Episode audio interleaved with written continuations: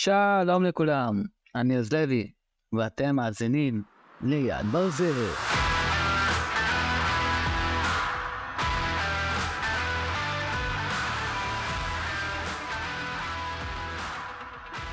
שלום לכולם, ואיזה כיף שהגענו לפרק החמישי חברים, פרק מחצי, מספר חמישה חומשי תורה. אז על מה יהיה החומש האחרון שלנו בחמישייה הזאת? הפרק אני אדבר על לא אחר מאשר עליי, כן כן, אגוצנטריות בריאה, אז נפרק לנו את הפרק לחמישה תקופות ומקצועות, ונתחיל בסדר כרונולוגי ומשם נתפרק קצת. אה, תחילה אני אסביר לכם קצת יותר על עצמי, ואז נתחיל בלי יותר מדי בלבולי שכל. הרי באנו לדבר על מקצוע שהוא כולו מלאכת יד ועבודת כפיים, איזה כיף.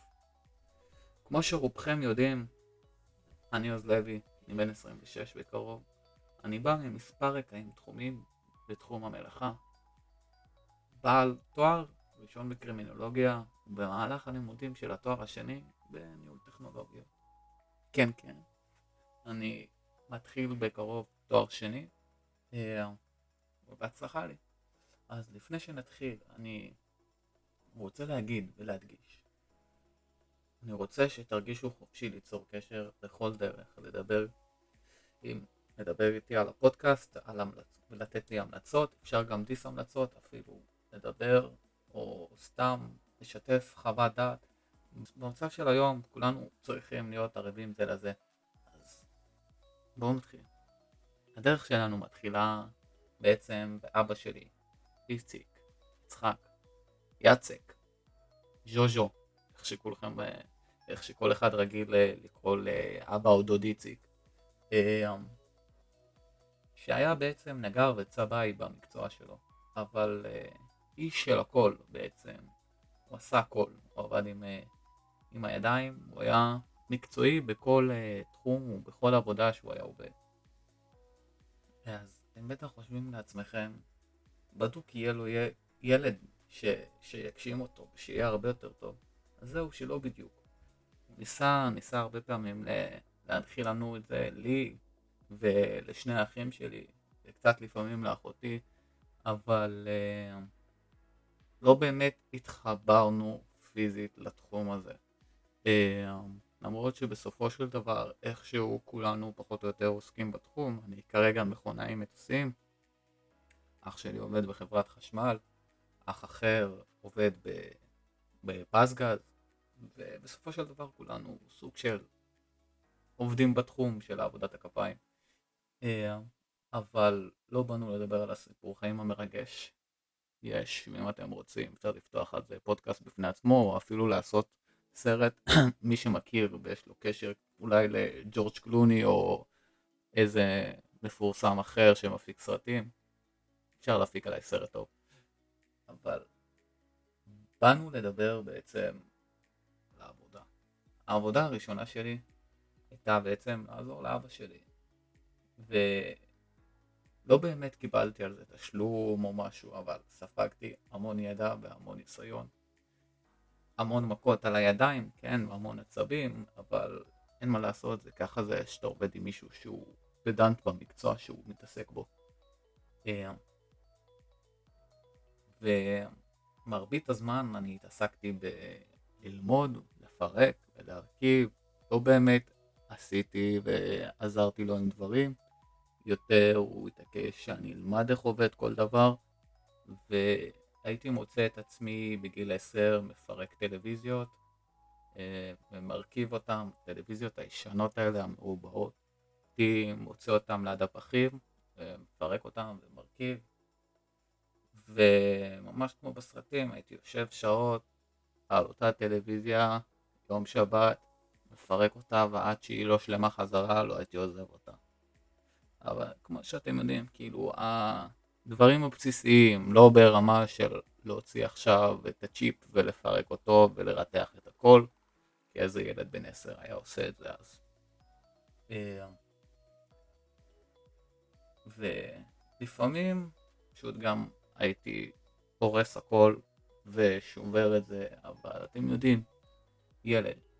אז העולם הטכני שלי והמקצועי יותר מתחיל בעצם בכיתה י', שאני, יוראי ומשפחתי עברנו לצפון, עזבנו את אילת, עברנו לצפון, התחלתי ללמוד בקריאת חיים, זה אי שם ליד חיפה, חור תחת, מי, שבק... מי שגר בקריות, אני מצטער, אבל אה, שמו אותי בכיתה שהיה בה רק מגמת גיאוגרפיה ומכניקה הנדסית.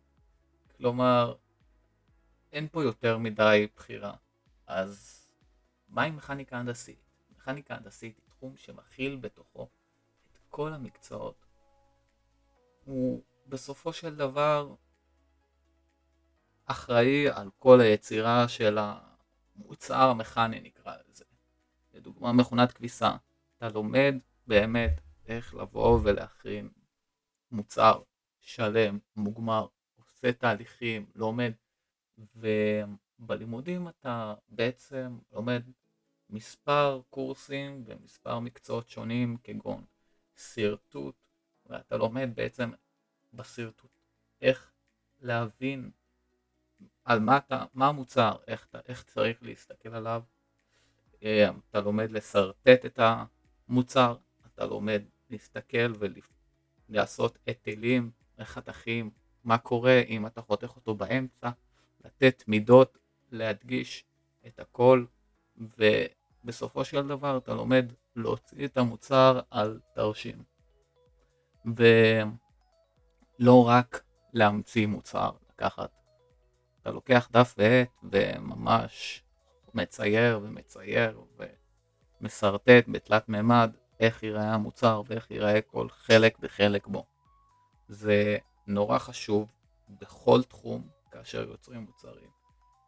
אה, ולמדנו שרטוט גם ידני וגם במחשב, במחשב התעסקנו לרוב בסוליד וורקס, שם אתה יכול ליצור מוצרים מכניים שלמים ברמה שהם יזוזו, ינועו, ויהיה אפשר לפרט אחר כך על כל החלקים, מידות, תכנים, צורה, צבע, טקסטורה, חומר, הכל הכל הכל הכל ניתן היום ליישם במערכות האלה. אה, בנוסף למדנו הנדסת חומרים, אתה לומד מהו הכוח של חומר בעצם בהנדסת חומרים, ממה החומר עשוי, מה הוא מכיל, מה הוא יכול לעשות, מה הוא לא יכול לעשות, מה עוצמת פיתול שלו, עוצמת פיתול זה אם אתה מסובב, יש משקל סיבובי על אותו המוצר, ועוצמה של לחץ, ובאיזה עוצמה הוא בעצם יכול להיגזר סלש להישבר. ואתה לומד בעיקרון גם לוגיקה ובקרה, שבעצם שם אתה מפעיל את הכל ולומד את הפן הלוגי והחשמלי של המוצר.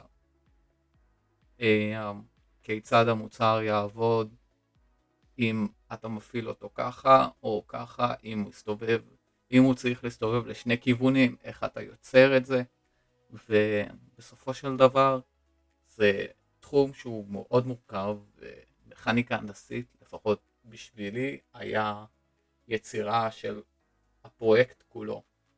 אתה לומד איך באמת ליצור פרויקט ואיך להסתכל עליו בראייה שהיא תלת ממדית, בעצם לתפוס את הכל, לראות את הכל מסביב.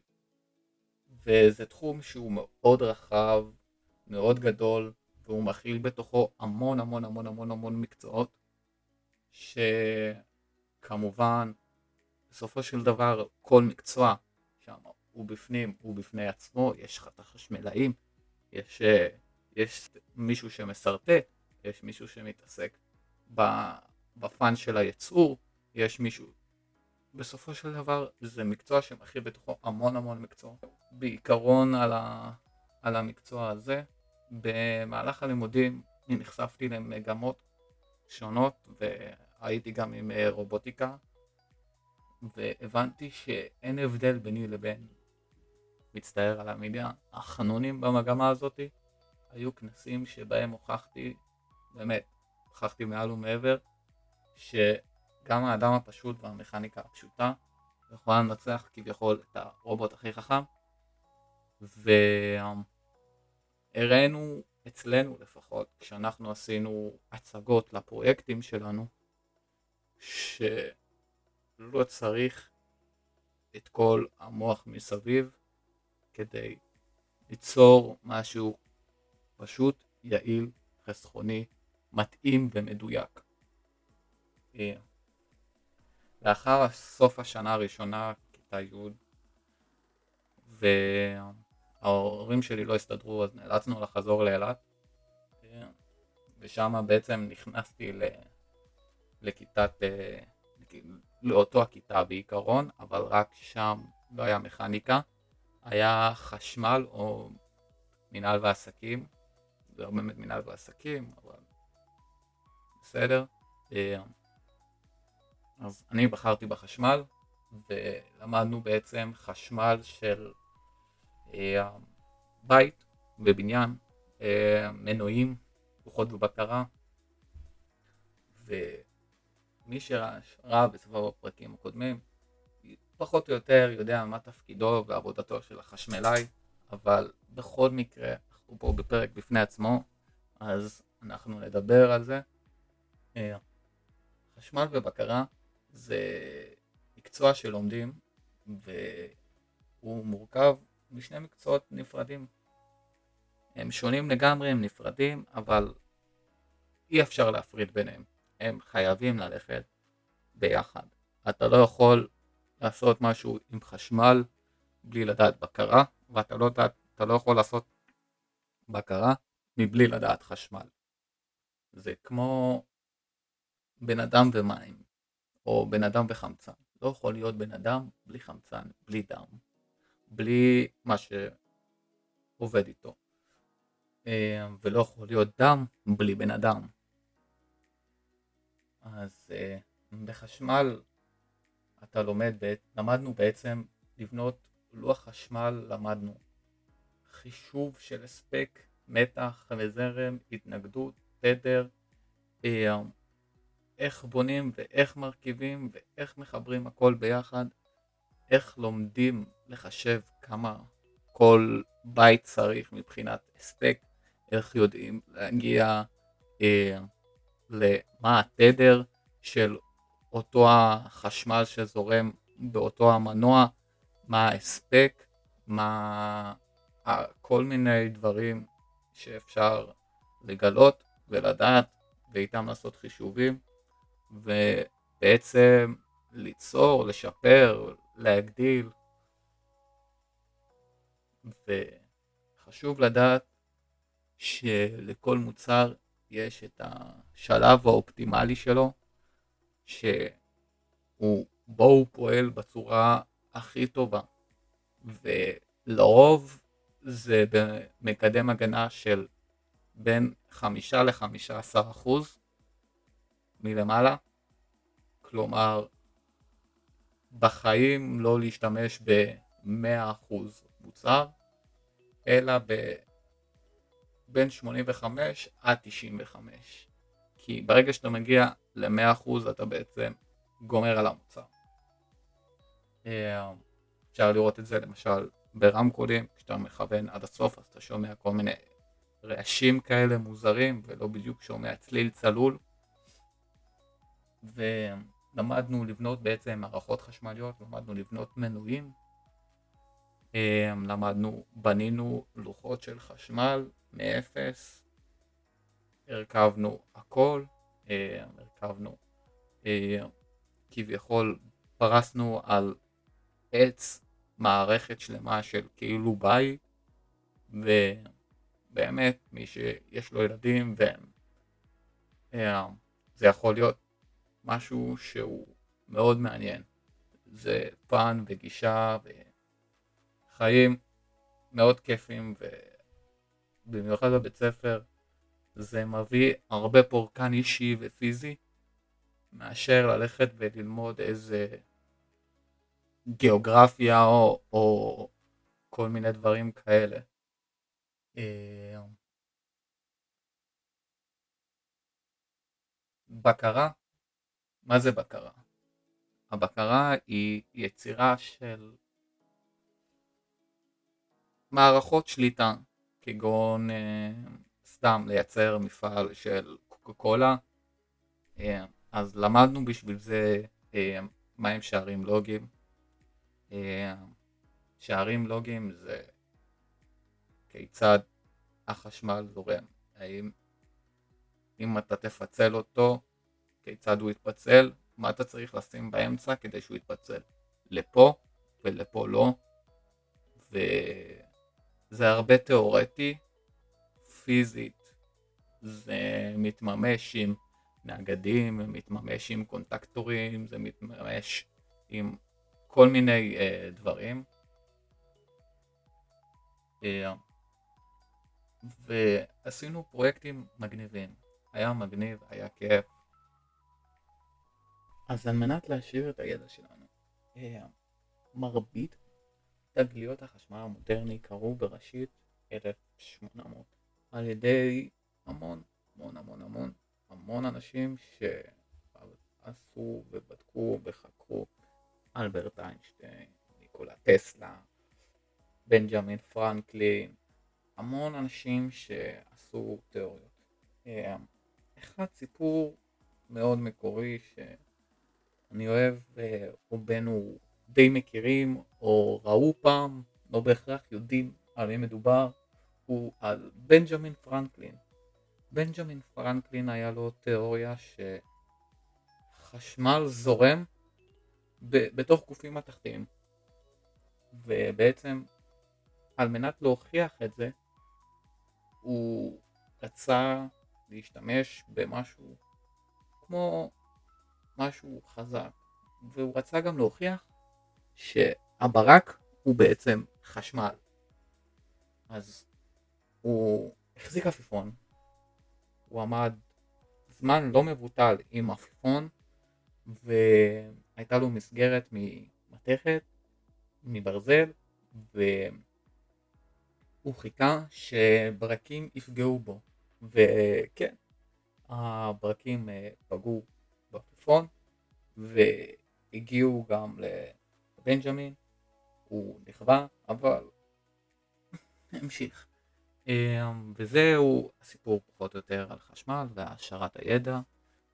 בחזרה לימינו החשמל אצלנו קיים בכל דבר, באמת בכל דבר, מהדברים הקטנים ביותר עד לגדולים ביותר, אוויר נקי, מים. מה, אתם רוצים להגיד לי שאתם לא יודעים שבעצם כדי לשתות מים אתם צריכים חשמל? על מנת ליצור את הזרם שיהיה לכם במים משתמשים במשאבות. ואם לא יהיה חשמל ליצור את הזרם הזה, לא יהיה חשמל, לא יהיה מים, לא תשתו מים. לא יהיה לכם מים זורמים, מים נקיים,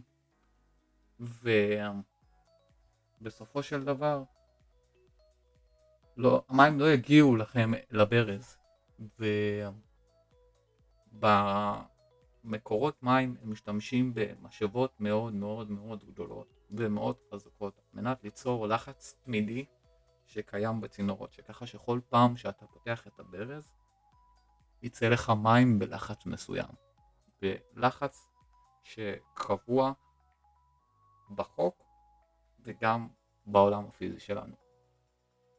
אמ, ומעבר לכך, לכל שכונה יש את המשאבות שלהם וזה מתפזר לגושים וגם לבניינים. היום בבניינים החדשים לכל בניין יש חדר משאבות ובריכה אשר מאחסנת את המים למקרה של אה, חירום ודואגת שיהיו מים רזרבים ודואגת שיהיו מים חמים תמיד ולרוב היא נמצאת גם על, ה, על הגג חלק מן הבריכה על מנת להשתמש בחוק המים ובחוק הגרביטציה שבעצם מינימום הפעלת חשמל על מנת ליצור אה, פיזור של המים לכל הדיירים.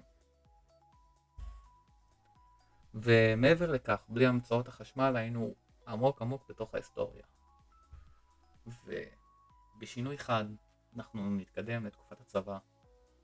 אה, כפי שאתם נראה לי כבר הבנתם, אני בן, מאוד מאוד בן אדם של חקירות ומשטרות ו, וגם דיבור עם בני אדם ואבחון, אבל תמיד נמשכתי אה, גם לפן של הידיים של העבודה ולמרות שאני מאוד רציתי להתגייס למשטרה הכחולה ולהשרת בצבא בתור שוטר, לא אישרו לי. והסיבה שלא אישרו לי היא בגלל שידעו אותי למערך הטכני של חיל האוויר. ולמי שלא יודע, המערך הטכני הוא זה שבעצם נותן תמיכה לכל כלי הטיס בחיל האוויר, וגם לציוד קרקע, וגם לטילים, וגם למערכות מחשוב, ובסופו של דבר הוא מתעסק בכל הפן הטכני בחיל האוויר. זה מערך מאוד שלם, מרבית הקורסים נעשים ב... בטכני של חיל האוויר, בצפון, בחיפה, ומשם הם אה, מתקדמים. ולאחר הטירונות שובצתי כמכונאי מסוקי אפאצ'י, והייתי מיועד להיות דרג א'. אז מה זה בעצם התפקיד הזה, אתם שואלים? אז מהתח... נתחיל מההתחלה ונפרק את זה למספר גורמים. מכונאי. המכונאי הוא, הוא... זה אדם שמתעסק בכל הקשור למכניקה וניהול של אותו המוצר, ואני אומר במרכאות המוצר, כי זה לא מוצר, אבל אני מגדיר את זה מוצר על מנת לתחם את זה באיזושהי באיזושהי מסגרת. אה, כמו למשל מכונאי רכב, ככה גם המכונאים מסוקים וכל שאר המכונאים משתמשים בכלים כמו פטישים, מברגות מיוחדות, כלים פנאומטיים פתוחים, רינגים ועוד שלל רחב של כלים וכל מיני כלים שדרושים לכל מיני עבודות. יש מלא עבודות שאין להם באמת uh, כלים ואנחנו בעצם יצרנו את הכלים. כן, כן, כמו שאתם שומעים, uh, במהלך השירות שלי יצרנו כמה וכמה כלים ייעודיים לעבודה מסוימת שאנחנו עושים, שלא היו קיימים, שלא בואינג ולא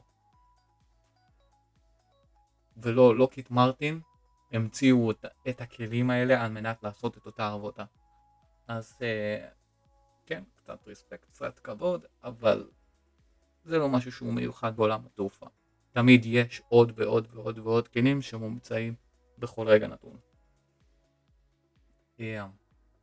אז ככה, אז המכונאים של כלי הטיס עוברים הכשרות יחסית ארוכות של מספר חודשים, זה יכול לנוע בין uh, חודשיים לבין הכש... להכשרה של שמונה חודשים, שזאת ההכשרה הכי גדולה שראיתי, וזה בעצם לא הכשרה של מישהו שעובד בכלי טיס, אלא הכשרה של טכנאים מסווגים שעובדים עם מערכות מאוד מסווגות. אמ, אבל אמ, הם עוברים המון המון המון מבחנים לא קלים והם עוברים אה, בדיקות והתאמות והם בסופו של דבר נדרשים לעמוד בתנאים שונים ובכל כלי טיס זה אחרת ושונה.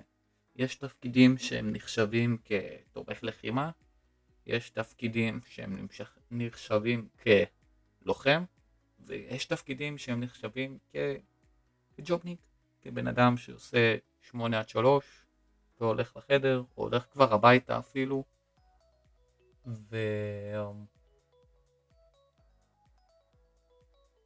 והם מתחילים בעיוני, ההכשרה מר... מרביתה היא עיונית, לומדים על כיצד הכלי טיס עובד, מה המגבלות שלו, מה השעות טיסה, מה השעות מנוע, אה, מה צריך לעשות, איך עושים, מתי עושים, אה, איזה כלים יש לנו, באיזה כלים אנחנו משתמשים, מה התקנות של באותו, בצורך העניין זה רת"א, שזה רשות שדות התעופה. אה, ממש לומדים בדקדקנות כל דבר ודבר, כל פרט ופרט, מהבוקר עד הערב. אה, בסופו של דבר, אחר כך יוצאים, חווים קצת שטח, לא הרבה בכלל, ומגיעים לטייסות. מגיעים לעבודה הטכנית, לעבודה עצמה. ודרג א' זה הדרג שבו הם מוציאים את הכלי טיס לטיסה, כמו שבטח אתם ראיתם באחד הסרטים אי פעם, טיסה אם ראיתם. אה, זה אותם אנשים שבעצם עומדים על השדה ומכוונים את המטוס ולפני שהם מכוונים את המטוס הם עושים preflight. preflight זה בדיקות שנעשות לפני הטיסה וכשהמטוס נוחת מבצעים עליו after flight, בדיקות של אחרי הטיסה, בדיקות יחסית מקיפות, לא הכי מקיפות, ואז במהלך כל יום יש בדיקה שנקראת daily, מעבר על כל המטוסים ובדיקה שהם עומדים לפי אותם התקנות שקבעו באותו היום, איך הם צריכים להיות, מה הם צריכים להיות חמושים, לא חמושים, דלק, לא דלק, איזה מספר מטוסים צריכים להיות בליין וכו', ויש weekly, יש מנטלי, ואחר כך יש כבר ביקורות. אמ, אני הייתי בדרג ב'.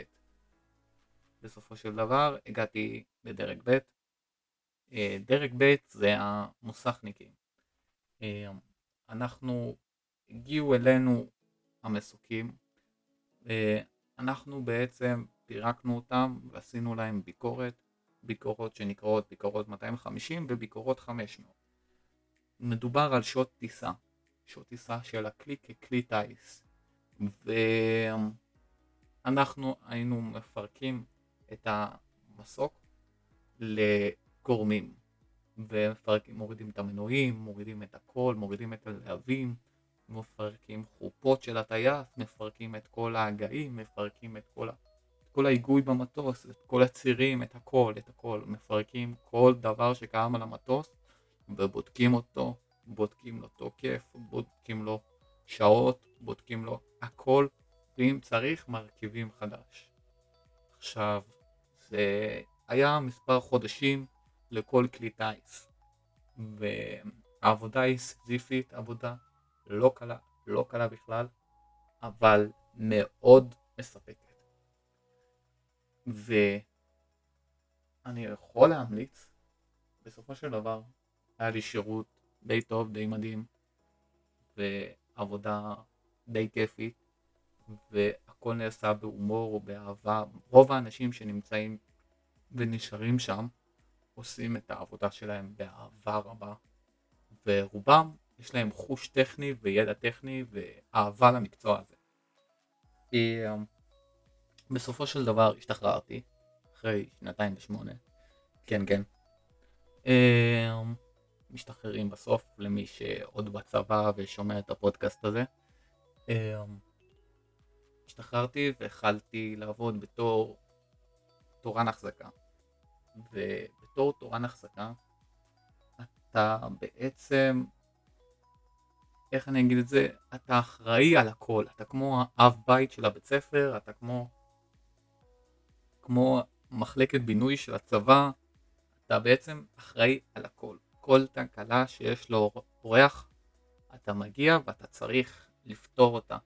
וישנם המון המון תקלות בהמון כלים והמון מישמש בין הדברים, אתה לא רק משהו מסוים, אתה הכל, אתה חשמלאי, אתה אינסטלטור, אתה פחח, אתה מסגר, אתה מנעולן, אתה, אתה הכל, אתה בעצם הכל, אתה טכנאי מזגנים, אתה כל דבר אפשרי וכל דבר שאתם יכולים לחשוב עליו, זה התפקיד שלך. אתה אחראי על הכל. על כל המשק הפיזי והלא פיזי גם של המלון, ואתה אחראי על שלמותו, תיקונו, החלפתו, דאגה לתוקף, אפילו מטפים וצינורות כיבוי אש היו בהחזקתנו, ובאמת היינו אחראים להכל. תפקיד שמריץ אותך בקומות נונסטופ, למעלה למטה, למעלה למטה, ימינה שמאלה, וביניהם אתה מגיע לקריאות שלפעמים קלות, לפעמים זה סתם, אה, המזגן לא עובד, צריך לסגור את הדלת, אה, הנה, אתם רואים, המזגן עובד, ולפעמים זה יהיה קריאות מאוד מאוד נוראיות, כמו למשל אתה מגיע לקריאה של אה, סתימה, ולפעמים אתה יודע, זה סתם לבוא לתת עם הפומפה, יש לקוח שאורח שלא לא אוהב שזה נשאר לו, אז אתה נותן כמה פעמים עם הפומפה והכל מסתדר, אבל אה, לפעמים זה סתימה, וסתימה נוראית, ויצאו כמה וכמה פעמים שאתה צריך להכניס את היד, אתה יורד למטה, אחר כך אתה רואה את המצב, אתה יורד למטה ומביא כפפות ארוכות, ושם כפפה על כפפה על כפפה וחליפה, ואתה צריך להכניס את היד כדי להוציא את מה שקיים שם, ולפעמים מגיע למצב שאנחנו מכניסים צינור של ארבעה, חמישה, היה גם פעם צינור של תשעה מטרים על מנת לפתוח את הסתימה, וזה לא, לא קל, לא קל, לא קל בכלל, ודורש גם המון המון סבלנות. ולפעמים אתה מגיע לאורחים שאומרים לך, מקרר לא טוב, אתה בודק ואתה יודע מה הרף של המקרר שצריך להיות. ואתה אומר לו, אדוני, אבל המקרר תקין. אז לרוב אתה לא צריך לבוא ולהגיד ישר תקין תקין. אתה אמור לשחק את המשחק, אתה אמור לקחת את המקרר למרות שאתה יודע שהוא תקין, וללכת להחליף אותו ולהביא להם מיני בר חדש, מקרר חדש, ולפעמים גם אומרים לך זה לא תקין ואתה מחליף עוד הפעם ועוד הפעם, ו... בשלב מסוים אתה מגיע למצב שאתה אומר, אוקיי, אני לא יכול ללכת להביא לו את כל המקר... אותם המקררים, והיו פעמים שפשוט הבאתי את אותו המקרר ואמרתי שזה מקרר אחר, ובאמת, על מנת, כאילו, אתה יודע, אתה יוצר לפעמים פרספקטיבה שונה וזה, אצל הבן אדם, והוא נרגע והוא רואה שפתאום הכל תקין, אבל היו מקרים גם שהבן אדם מתעקש שהוא לא טוב. ואתה מנסה להסביר לו שזו הטמפרטורה הרצויה, זה מה שיש. ואתה מראה לו, ואתה מביא שני מקררים, ואתה הולך ומביא מקרר שהוא חדש, ומראה לו ומסביר לו, זו הטמפרטורה, הוא עדיין לא מרוצה. אז לא תמיד זה קל ולא תמיד זה כיף, אבל לבן אדם שאוהב את זה, אלה החיים. ובסופו של דבר אנחנו באנו לתת מהידע שלנו ומהפן הטכני וכל האנשים שנשאבים לזה וכל האנשים שעובדים בתחום לא יכולים לעזוב את. אנחנו חייבים את הלחץ הזה בידיים, את המכה היומית, את הניחוחות של הנסורת או הניחוחות של אותם הספריים שאנחנו משתמשים בהם או הריח של השרוף של הברזל, אין. בסופו של דבר כשאתה נכנס לזה, אתה לא יכול לצאת מזה.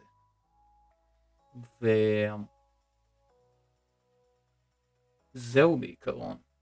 אמ, כיום אני עובד בתור מכונאי מטוסים, אה, אין יותר מדי מה להרחיב. אמ, אנחנו לוקחים את המטוסים והופכים אותם ממטוסי נוסעים למטוסי מטען ובסופו של דבר זה עבודה כמו כל מכונאי וכמו המכונאי מסוקים שעבדתי לפני ובדקות האחרונות שלנו אמ, אני רוצה רגע להדגיש וגם לבקש מכם אמ, מי שעוד לא נרשם, אמ, תירשמו למעקב, אמ, בעזרת השם הולכים לצאת, לצאת תכנים אה, קצת יותר טובים, יותר רציניים. קבעתי כמה שיחות, מקווה שהם יצאו לפועל עם המצב. אתם מוזמנים להיכנס לקבוצת וואטסאפ בקרוב גם יעלה אתר ובו יהיה את כל המידע ובקבוצת וואטסאפ יש את המספר פלאפון שלי או ברשתות החברתיות אתם יכולים גם לגשת ולדבר, תדברו, תצרו קשר, תתנו חוות דעת. אה, לא עולה כסף על אה, לכתוב הודעה שניים, ואם מישהו מרגיש שהוא רוצה לדבר, רוצה לשתף, רוצה להציג את עצמו, אני מזמין אתכם באהבה רבה, ואני רוצה לשלוח לכולם חיבוק חם, ולהגיד לכם שאנחנו עם חזק, אנחנו עם שהוא ברזל יצוק טוב טוב, אנחנו נעבור כל דבר, אנחנו עברנו כל דבר, עד לכאן להיום, אני הייתי עוז לוי, ואתם האזנתם ליד ברזל.